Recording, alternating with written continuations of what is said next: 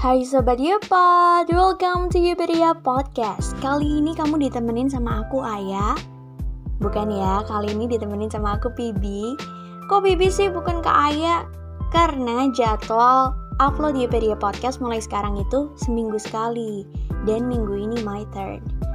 Tetap membahas hal-hal yang wajib diketahui oleh mahasiswa baru atau maba, yaitu cara dapetin nilai A Duh, siapa sih yang gak pengen dapat nilai sempurna di tiap mata kuliah dengan harapan bisa cum laude? Aku aja pengen banget jujur li parah. Makanya yuk kita mulai membahas cara dapetin nilai A. Yang pertama banget nih ya caranya, pelajari pembobotan nilai tiap mata kuliah. Total pembobotan nilai itu 100% Sobat Yupot. Biasanya terbagi atas nilai keaktifan, nilai tugas, nilai UTS, dan nilai UAS. Misal nih, pembobotannya UAS 40%, UTS 30%, tugas 20%, dan keaktifan 10%. Fokuskan untuk lebih maksimal di persen yang lebih besar, tapi tetap berusaha yang terbaik di semua persen. Tapi banget nih, jangan sampai aktif di kelas, tapi nilai UAS-nya jeblok karena seperti yang aku bilang tadi nilai keaktifan cuma 10% dan nilai UAS-nya 40%. Jadi sayang banget dong ya kalau misalnya kalian cuma aktif tapi nilai UAS-nya jeblok, jadi rugi sendiri. Yang kedua, pelajari RPS. RPS adalah rencana pembelajaran semester. Di awal perkuliahan, RPS ini biasanya dibagikan di RPS ini, kamu bisa menemukan materi apa yang akan dibahas di tiap pertemuan dalam satu semester. Hamin satu pertemuan, kamu wajib untuk mempelajari materi di pertemuan tersebut dari berbagai sumber terpercaya seperti jurnal, buku, atau channel YouTube edukasi yang sudah terverifikasi. Ketika kamu udah paham duluan sama materinya, kamu bisa menjadi mahasiswa yang aktif di kelas dengan bertanya misalnya nih, yang saya baca di jurnal X, teorinya seperti ini. Lalu bagaimana ya korelasi teori X dengan teori yang Bapak berikan? Nah, ketika kamu bisa mengkritisi atau bertanya ataupun menanggapi, dosenmu akan menambah nilai keaktifanmu dan biasanya bisa tanda kutip memikat hati dosen. Karena siapa sih yang gak suka ketika pembicaraannya direspon? Yang ketiga, pelajari karakter dosen.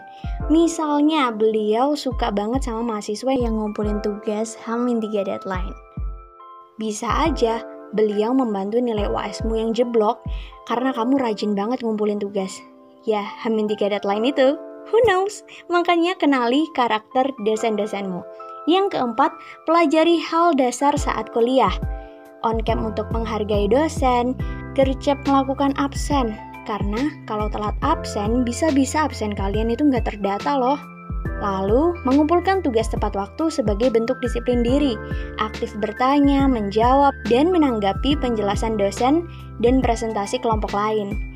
Bantu untuk menginfokan ke dosen kalau ada teman yang masih di waiting room Zoom, dan lain-lainnya.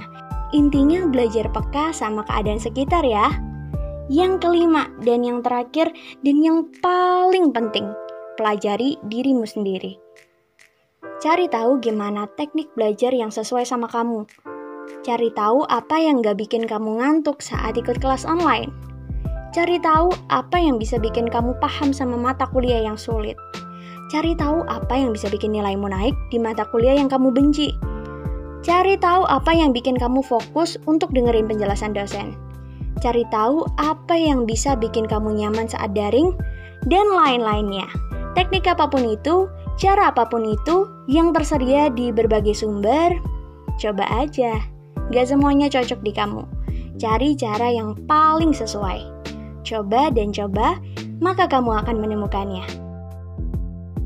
Terakhir dari yang terakhir banget nih, cara dapetin nilai A ya dengan belajar, belajar, dan belajar pastinya.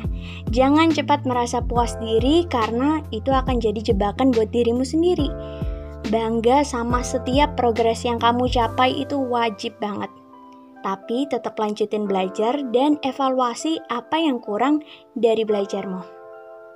Sekian dulu dari Pipi. Share this podcast kalau podcast ini kamu rasa bisa bermanfaat buat orang lain. Sharing is caring, isn't it? Ini Pibi, bye-bye!